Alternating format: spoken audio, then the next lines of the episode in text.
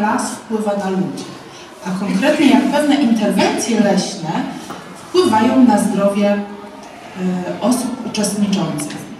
No ale od początku, skąd to się wzięło, jak e, do tego doszło, Drodzy Państwo, wybuchła pandemia. Wszyscy wiemy, y, jaka była historia y, y, pandemiczna. Nie mogliśmy wychodzić z domu, poszukiwaliśmy chwili wytchnienia, zamknięto nam lasy, otworzono lasy. I wtedy pojawiła się wielka potrzeba nas wszystkich, żeby znaleźć chociaż chwilę ukojenia, relaksu, wytchnienia, no bo przecież nigdzie nie można było pójść miejsca kultury, edukacji były pozamykane. Wiele, wiele osób na małych przestrzeniach życiowych ze swoimi rodzinami, w nauce zdalnej, pracy zdalnej przeżywało trudne chwile. I y, zainteresowałam się naukowo tym, jak pewne parametry y, związane z naturą wpływają na zdrowie psychiczne. To jest rzecz znana nam od dawna, że natura nas koi, prawda? Ale pytanie, jak to się dzieje? Jak dokładnie to się dzieje? Co nam pomaga? Było to badanie pilotażowe. Zaprojektowałam takie badanie, które miało na celu odpowiedzieć na pytanie, jaki, jak działają interwencje w naturze na człowieka i jakie mają, jaki ma, mają związek ze zdrowiem, z dobrostanem, ze zdrowiem psychicznym przede wszystkim. Wybrałam lasy Międzylesia, bo kocham te lasy i mamy tu wspaniałe miejsce do spacerów, dużo lasów, jest tu pięknie e, i mamy też wspaniałe Wawerskie Centrum Kultury, które wspiera e, i pomaga we wszystkim. I z tej współpracy e, przede wszystkim z panią Wichowską, która objęła niemalże patronatem ten projekt i pomagała na każdym etapie. Zorganizowałyśmy serię kąpieli leśnych. Ten cały projekt trwał tutaj od stycznia do lipca, czyli zaczęliśmy w tęgie mrozy, ale i tak było przyjemnie, i tak było cudownie spotkać się w lesie. Skończyliśmy w lipcu, y, gdzie już wcale nie było tak fajnie, bo były upały i wtedy y, nawet niektórzy z nas gdzieś przynieśli ze sobą kleszcza z tego lasu, ale o efektach takich, y, przeżyciach naszych powiem Państwu za chwilkę. Powiem jeszcze, czym są kąpiele leśne. To nie jest przytulanie się do drzew, choć można, nikt nie zabrania. To nie jest y, wiara w magiczną, wyrabiającą moc drzew. To nie jest y, jakaś y, ezoteryka czy parapsychologia. Jest to praktyka, która jest znana od bardzo dawna, a w zasadzie na szeroką skalę wprowadzona już do praktyk, praktyk prewencyjnych, prewencji populacyjnej w różnych krajach około, można powiedzieć, 40, 40 lat temu. E, różne kraje bardzo zyskały na tym, że wprowadziły kąpiele leśne do swoich praktyk Y, prewencyjnych, zwłaszcza w prewencji chorób związanych ze stresem i chorób w ogóle cywilizacyjnych. Tak zrobiła Japonia, która dzięki tym praktykom ma bardzo duże oszczędności. Mówię tutaj o wydatkowaniu na opiekę zdrowotną właśnie tych różnych chorób cywilizacyjnych stresozależnych. Kąpiel leśna w zasadzie jest praktyką, u podstaw której leży uważność. Bardzo znana dzisiaj rzecz, praktyka uważności, mindfulness, świecka medytacja, jak niektórzy mówią. To jest w zasadzie taka praktyka, która zachęca nas do bycia tu i teraz, w tej chwili, w której jesteśmy, z doświadczeniem w pełni tego, co tu się dzieje. Jakbym miała Państwa poprosić teraz o, o, praktykę uważności, to musiałabym poprosić, żebyście Państwo byli uważni na to, co słyszycie, widzicie, czujecie, w jakiej pozycji jest Państwa ciało, jakie sygnały od środka płyną, jakie myśli przychodzą, co się pojawia, tak? I tak dalej, i tak dalej. To jest pełna uważność. Na ogół nie jesteśmy w pełni uważni, bo nie mamy na to czasu, nie mamy sposobności. Stąd ta uważność w lesie jest podwójną korzyścią. Nie dość, że w przyjemnym, pięknym otoczeniu, to jeszcze uważni, w pełni otwarci na to, co nam się dzieje. Y, u podstaw y, tej leśnej uważności leży również y, połączenie z krajobrazem, czyli takie, takie lecznicze działanie krajobrazu. Wiemy wszyscy, jak stoimy na szczycie góry i oddychamy pełną piersią, to czujemy wolność, lekkość, swobodę, że mamy nieograniczone możliwości. Stąd kochamy chodzić po górach. Jak jesteśmy nad morzem, wzbudzają się u nas zupełnie inne emocje. Jak jesteśmy na łąkach, bezkresnych polach również. I te krajobrazy, z którymi się spotykamy na co dzień, w tym krajobraz leśny ma jakieś walory dla nas, które, y, które pomagają nam czuć się y, lepiej. Tej chwili już terapia leśna czy kąpiele leśne podlegają y, kilku towarzystwom międzynarodowym, to znaczy są eksperci, którzy się kąpielami leśnymi, terapiami leśnymi zajmują. Y, są towarzystwa, które wydają swoje publikacje, badania, tworzą y, różnego rodzaju również ośrodki. Y, to, co jest podkreślane i ważne, że terapia lasem, czy w ogóle kąpiele leśne jest pewną praktyką zdrowotną, która służy nam wszystkim. W takiej tradycyjnej kąpieli leśnej są to spacery z przewodnikiem bardzo powolne, w których e, to właśnie przewodnik e, pomaga nam wczuć się w leśną atmosferę. Oczywiście, no, jeśli przeczytamy kilka książek na temat e, kąpieli leśnych, nie potrzebujemy prawdopodobnie przewodnika, żeby sobie zorganizować ćwiczenia. Ale rzadko kiedy jest tak, że rzeczywiście jesteśmy w stanie w pełnej dyscyplinie pójść do lasu, przeprowadzić sobie kąpiel leśną. Ćwiczenia, które wykonujemy podczas kąpieli leśnych, to są w dużej mierze ćwiczenia, które są od bardzo dawna znane w psychologii. Ćwiczenia wizualizacyjne, ćwiczenia z zastosowaniem metafory. Ja później opowiem o tych ćwiczeniach również. E, sam spacer po lesie, wiadomo, ma też taką funkcję relaks, relaksującą, ma też funkcję e, prozdrowotną w sensie takim, że się ruszamy, pracujemy nad sprawnością. Y, innymi słowy, kąpiel leśna to jest takie nieśpieszne zanurzanie się, to jest chodzenie krok za krokiem. W trakcie naszych kąpieli leśnych przechodziliśmy może 300 metrów po lesie. Proszę zobaczcie, jak niewiele, dwie godziny, do dwóch godzin tam byliśmy. Y, to, co istotne, to to, że to, to y, angażowanie się w, w to, co się dzieje teraz, tu i teraz, to jest angażowaniem uwagi naszej bezwysiłkowej, mimowolnej, która sobie płynie. No dobrze, jak działa na nas wobec tego natura? Bo chciałabym wrócić jeszcze do początku. Skąd w ogóle pomysł na to, że y, natura może nam pomóc? Mamy wiele koncepcji na ten temat, a doświadczenia osobiste bezcenne od dawna. Jedną z takich koncepcji jest koncepcja opisana w 1974 roku, już dzisiaj klasyczna koncepcja, która mówi o tym, jak e, organizm człowieka e, funkcjonuje w momencie, kiedy się rozluźnia. Tak? Co się dzieje wtedy? W jaki, I więcej, w jakich warunkach może dojść do takiego rozluźnienia i głębokiej regeneracji autonomicznego układu nerwowego.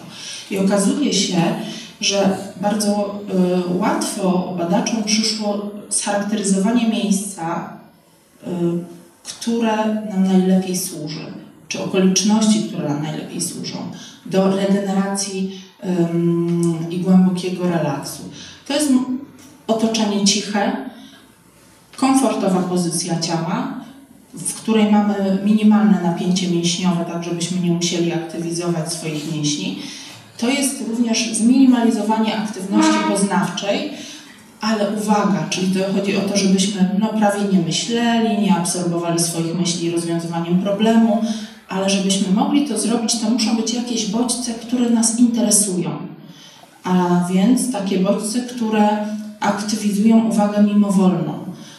Um, uwaga mimowolna um, będzie płynęła za bodźcami, które się poruszają, które są nowe, A więc w lesie mamy tego dużo, tak?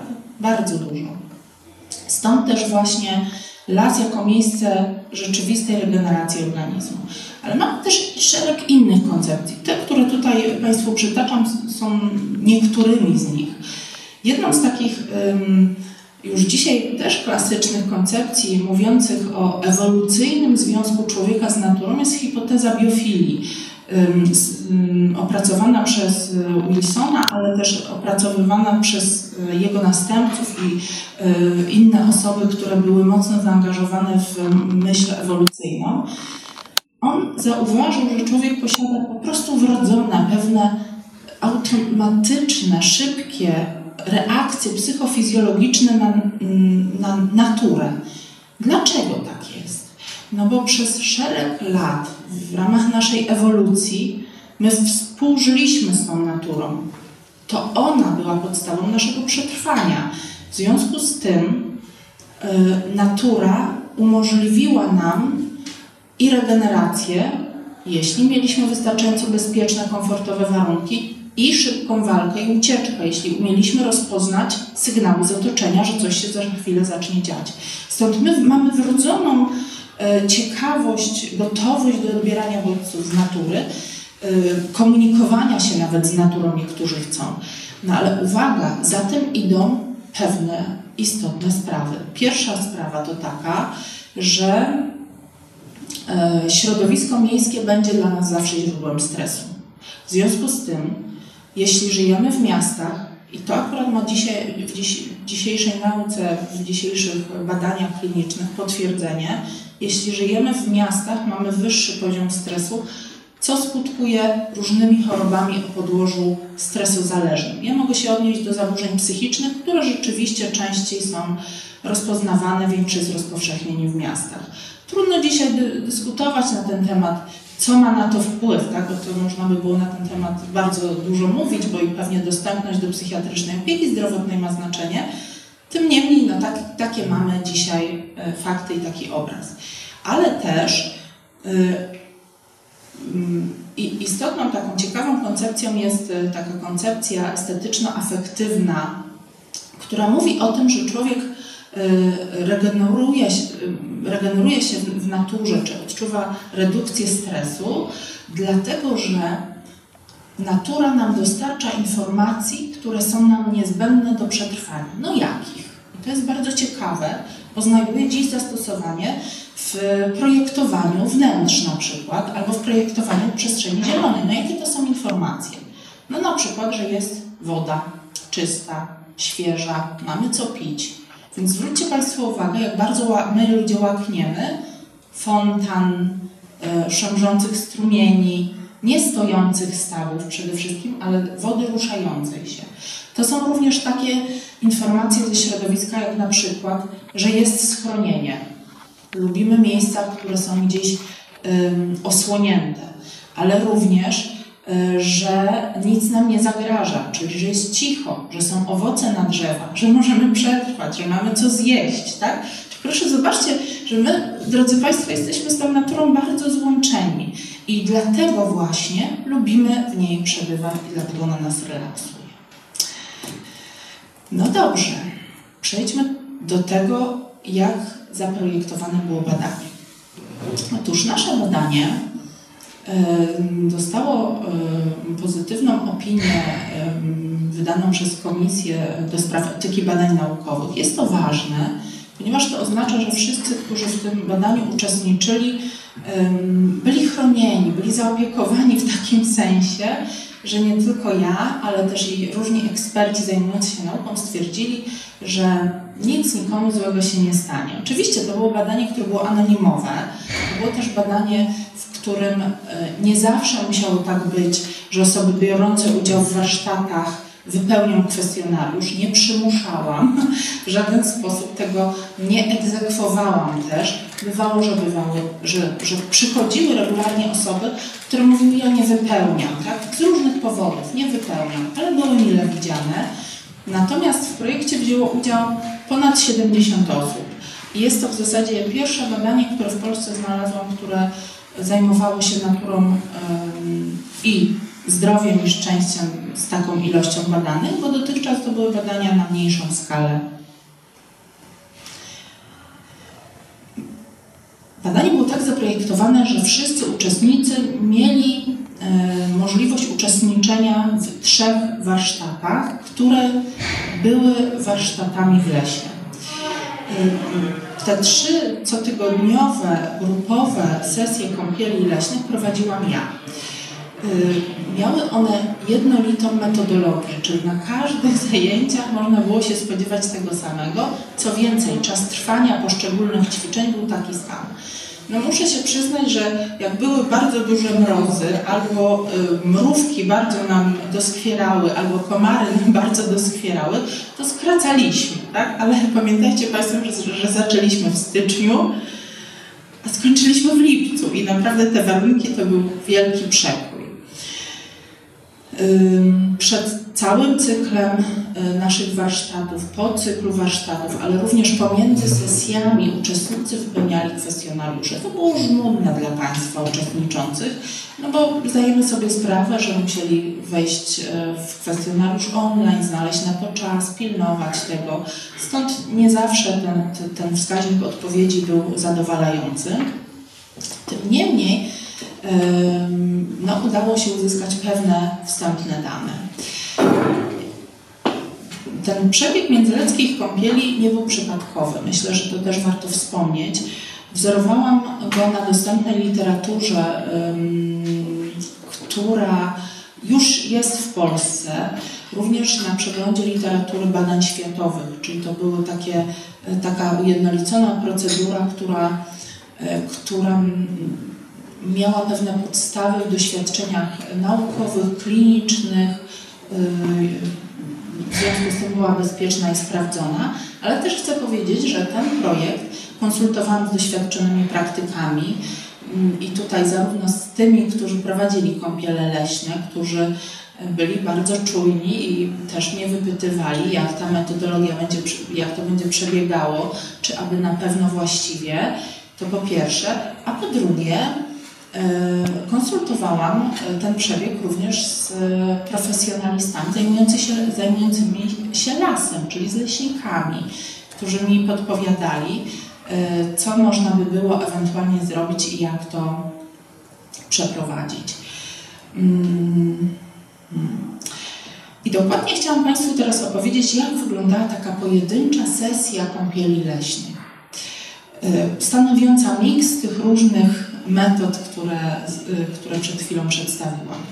Na początku mieliśmy po pierwsze intencję taką odbycia kąpieli leśnej, czyli to wzbudzało w nas nastawienie, że aha, zostawiam moje kłopoty, może musiałem wyjść z pracy, może w domu coś się dzieje, ja teraz się zanurzyć będę w, w atmosferze lasu. I symbolicznie otwieraliśmy kąpiel leśną takim tak zwanym progiem nawiązania połączenia. Co to znaczy? No to znaczy, że tak, od tego momentu już jesteśmy w naszym ćwiczeniu. W tym właśnie momencie się odcinamy i na ogół to, to były jakieś drzwi do lasu, które e, sporządzałam z dużej gałęzi. Tutaj niektóre osoby kiwają głowami, że tak było. E, I prze, przekraczając tę gałę, gałąź, myśmy wchodzili już we właściwe ćwiczenia. Pierwsze ćwiczenie to zawsze było ćwiczenie oddechowe, takie trochę dostrajające do tego, co się dzieje, trochę odcinające, tam był ruch rąk, były głębokie oddechy. Następne ćwiczenie to było w zasadzie jedno z najważniejszych ćwiczeń w kąpielach leśnych według różnych metodologii. To były ćwiczenia uważności na różne zmysły taką e, anegdotę powiem, że jak chodziliśmy w okolicach godziny 11.30, e, jak e, przychodziła godzina 12, mamy tu w Międzylesiu niedaleko taki kościół, który, którego, dzwony biją dokładnie o 12, więc trzeba było trochę zmienić czasem tą kolejność ćwiczeń, żeby w czasie, kiedy jesteśmy uważni na E, na zmysł słuchu i okazało się, że przez 5-10 minut słyszymy tylko dzwony, więc czasem to musiało ulec nieznacznej modyfikacji, ale faktycznie Y, były to ćwiczenia, które mm, mam wrażenie, że były dla wielu najprzyjemniejsze. Ale to za chwilę powiem. Później następowała wymiana spostrzeżeń, tak żeby można się było podzielić kolejno tymi doświadczeniami, bo samo to ćwiczenie uważności zmysłowej trwało około 25 minut. Czyli najpierw 7 minut uważność e, wzrokowa, potem słuchowa. Czyli, czyli proszę sobie wyobrazić, że to wcale nie jest tak krótko. Na ogół nie mamy takiej aż um, ochoty zanurzać się tylko w słuchaniu przez 7 minut, czy tylko w wąchaniu lasu przez 7 minut. Tak? Następnie po wymianie spostrzeżeń e, robiliśmy sobie uważny spacer. W ramach uważnego spaceru przechodziliśmy przez około 20 minut, 15-20 minut, w zależności od warunków pogodowych, jakieś 150 metrów maksymalnie. Takim tempem szliśmy, podziwiając wszystko, co się dookoła znajduje. Jak już skończyliśmy uważny spacer, który obejmował również taką uważność naszych ruchów, położenia ciała i tego, co w ogóle się wokół nas dzieje, jak idziemy, stąd to wszystko było powolne. E, przechodziliśmy do ćwiczenia wizualizacyjnego. To było ćwiczenie, które można nazwać inaczej ćwiczeniem z zastosowaniem wyobraźni. Czyli myśmy wtedy e, byli proszeni, czy wykonywaliśmy ćwiczenie, wyobrażając sobie, że wdychamy leśne terpeny, substancje lotne, które są e, w lesie na wysokości około 1,5-2 metrów, w, największej, e, w największym stężeniu, które mają pewne właściwości prozdrowotne. No i y, wyobrażaliśmy sobie, że te leśne terpeny nas wypełniają, że one nas w jakiś sposób rozluźniają, to jest praca wyobraźni tylko, tak? To znaczy nie, nie, nie była to jakaś sugestia, to nie była jakaś forma, tak się wyrażę, może trochę dosadnie, indoktrynacji. Staraliśmy sobie wyobrazić to, że nasze ciało się w różnych miejscach rozluźnia, wypełniamy się tymi pozytywnymi substancjami E, później mieliśmy takie ćwiczenie uważności w miejscu, czyli już bez chodzenia, ale znowu z uruchomieniem wszystkich naraz zmysłów. I na koniec mieliśmy ćwiczenie z zastosowaniem metafory i symbolu, e, symbolu czy symboli, kiedy prosiłam, żeby każdy z nas wziął z lasu to, co mu jest najbardziej potrzebne, to, co las mu dał. Każdy zawsze z czymś wychodził czasem e, nie tylko wyobrażeniowo, co to dzisiaj biorę z tego lasu, co było mi potrzebne, ale również bardzo um, konkretnie ktoś bierze kawałek kory, ktoś bierze kawałek gałązki symbolizującej ważną dla niego na dzisiaj rzecz. I y, kończyliśmy spacer również krokiem, y, no, wtedy już nie włączania, bardziej wyłączania, ale znowu wracaliśmy do tego samego schematu, na ogół w innym miejscu. I na koniec wymienialiśmy się spostrzeżeniami. W mroźnych miesiącach jeszcze mieliśmy herbatę, żeby się rozgrzać, bo sobie Państwo możecie wyobrazić, jak to jest iść powoli przy minus pięciu, minus siedmiu, stać w jednym miejscu przez półtorej godziny. To nie było całkiem łatwe. Ale jak się okazało, to przyniosło też swoje efekty. I jeśli mówić o efektach, to zacznę po pierwsze od wrażeń yy, grup różnych. Te wrażenia w zasadzie się powtarzały, więc ja tutaj przytoczyłam tylko część. I chciałabym je skomentować pod takim yy, naukowym kątem. Dziś się mówi dużo o deficycie uwagi. Mówi się o deficycie możliwości bycia z innymi. Tak to bardzo szeroko powiem. Mówi się o tym, że dzieci są mocno pochłonięte e, smartfonami. Ale część badaczy twierdzi, że wszystko to, co wymieniłam, jest związane z deficytem natury. Oczywiście badania trwają, konceptualizacje tego problemu trwają, ale mówi się, że dzieciństwo kiedyś i dzieciństwo dzisiaj to jest zupełnie inne dzieciństwo.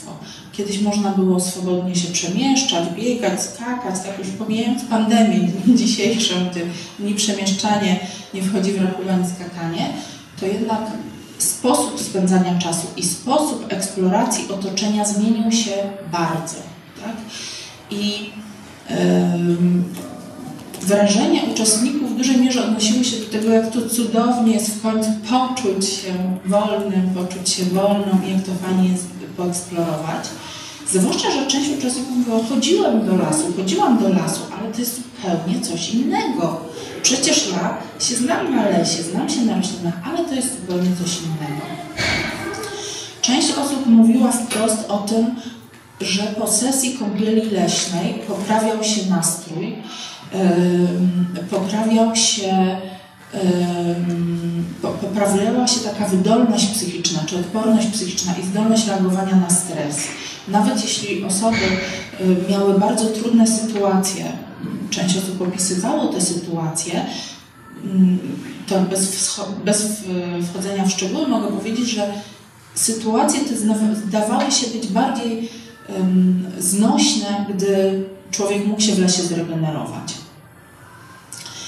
No i jeszcze taki element, że ponieważ mm, e, relaks w lesie niesie za sobą również rozluźnienie mięśni, niesie za sobą e, dotlenienie większe, to e, minimalizowany był ból u części osób, ale też część osób mówiło o przyroście energii, choć z drugiej strony część osób mówiło, że po kąpieli leśnej, i sama też miewałam takie efekty, człowiek ma ochotę zupełnie się wyłączyć i do końca dnia się regenerować.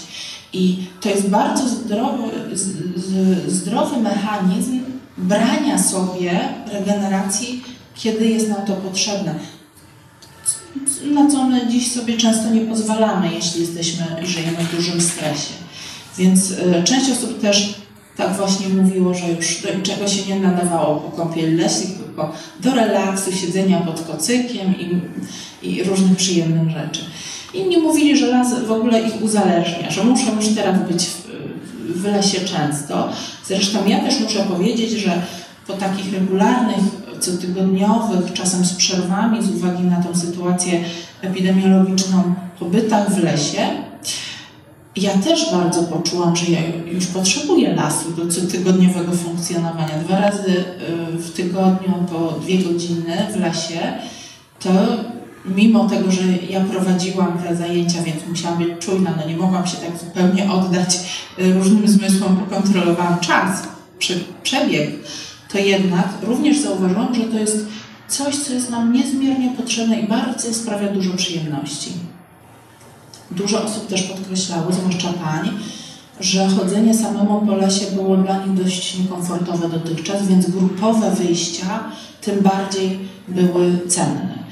No i też miałam bardzo dużo takich informacji zwrotnych, że osoby uczestniczące w projekcie bardzo żałowały, że, że, że to się kiedyś skończy, że te, do tego się nie wróci, a być może się wróci właśnie, jeszcze nie wiemy. Teraz chciałabym pokazać dosłownie trzy slajdy dotyczące wyników takich twardych naukowych. Otóż badania, poka badania pokazało, że nastąpił istotny, statystycznie istotny przyrost poczucia szczęścia. Przed w ogóle cyklem warsztatów to jest ten niebieski słupek, a fioletowy to po y, serii trzech. No i możemy powiedzieć, fajnie, no osoby poczuły się lepiej, zrobiło im się lepiej. No ale trzy razy aż w lesie być to jest dosyć duża inwestycja czasu. Może to na przykład ta inwestycja czasu daje taki efekt. Okazało się, że już po pierwszym e, spotkaniu w lesie, po pierwszym warsztacie, osoby, które wypełniły przed i po e, ten, te swoje kwestionariusze, okazało się, że Y, już nastąpił istotny przyrost szczęścia. Czyli jeśli chcemy być szczęśliwymi, poprawić sobie samopoczucie, trzeba koniecznie iść do lasu. Tutaj chcę też pokazać Państwu, jakie były ulubione ćwiczenia. To pierwsze to jest ćwiczenie oddechowe, to ostatnie ćwiczenie uważności. Mniej więcej tych ćwiczeń widzimy tutaj było dziewięć, przy czym każde z ćwiczeń uważności na poszczególne zmysły były, było osobno punktowane. Tutaj pokazuję tylko, że jakkolwiek różnie wydają nam się wartościowe te ćwiczenia, to jednak istotnie statystycznie różniły się e, tylko to ćwiczenie pierwsze i ćwiczenie dziewiąte, ale to jest w dalszych analizach. No i pytanie o zdrowie psychiczne, bo nie tylko dobrostan mm, badałam, ale również zdrowie psychiczne. Mm, otóż, tak jak się należało spodziewać, nie było żadnych istotnych statystycznie zmian w zakresie zdrowia psychicznego. Ale dlaczego?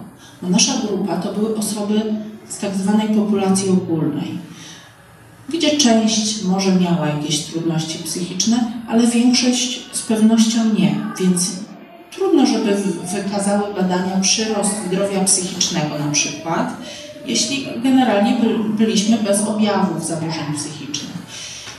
Dalsze y, moje badania będą dotyczyły tego, jak te kąpiele leśne mogą zostać wkomponowane w, w poprawę dobrostanu osób z zaburzeniami psychicznymi. Oczywiście absolutnie nie jako metoda wiodąca, jako, jako główny sposób leczenia, ale jako metoda pewna wspomagająca w leczeniu. Jakie mamy wnioski? No, wnioski są y, obiecujące. Po pierwsze takie, że y, poczucie szczęścia poprawia się istotnie po sesjach kąpieli leśnych. Po drugie, że już jednokrotne przebywanie w lesie i stosowanie ćwiczeń określonych poprawia nam samopoczucie i dobrostan, ale też y, wniosek jest taki, że warto y, wdrażać to w swoim codziennym życiu, po prostu. Może chwilkę się zastanówmy jeszcze, jaka jest przyszłość kąpieli leśnych w związku z tym na świecie kąpiele leśne już są zalecane nawet przez lekarzy. To znaczy, jeśli osoba odczuwa jakieś dolegliwości związane ze stresem, wyczerpanie, zmęczenie długotrwałe, no to część lekarzy, innych specjalistów y, związanych ze zdrowiem może wystawić tak zwaną zieloną receptę. Proszę przebywać w ciągu najbliższego miesiąca określoną liczbę razy w lesie, tyle i tyle spacerów proszę odbyć i proszę przyjść na kontrolę, żeby zobaczyć na ile ten, to samopoczucie się poprawiło. Co więcej, mm, jest coraz więcej również w Polsce projektów, e, które są oparte o kąpiele leśne. Tych kąpieli leśnych jest co niemiara i w, w, w Puszczy Knyszyńskiej i w Białowieży, więc one są prowadzone. Ale co więcej, pojawiają się idee budowy lasów terapeutycznych w Polsce. Natomiast na świecie są już takie leśne miejsca, które zajmują się nawet konkretnymi zaburzeniami psychicznymi przede wszystkim. I ta terapia wygląda tak, że wchodzimy do takiego zaprojektowanego właściwie przez architekta krajobrazu lasu czy ogrodu leśnego, który ma różne strefy służące do różnych rzeczy. Y, y, y, jedne strefy do bycia sam, w samotności, inne do integracji z grupą, i tam prowadzona jest nasza terapia, która zmierza do tego, żebyśmy poczuli się lepiej, żeby nasze zaburzenie i jego objawy zostały zminimalizowane. E, kierunek e, dalszy w związku z tym to będzie, stosowanie, będzie budowanie takich lasów dedykowanych poszczególnym grupom, ale e, również stosowanie terapii leśnej, już nawet nie kąpieli leśnych, czyli czegoś, co jest dla całej populacji, ale terapii ukierunkowanej na poszczególne jednostki związane, chorobowe związane ze stresem, e, z chorobami cywilizacyjnymi. Wszystkich wyników nie jestem też w stanie tu pokazać, nie chciałabym Państwu no, jakoś nadmiaru tu wprowadzać, ale faktycznie jeden najważniejszy wniosek jest taki, że iść do lasu.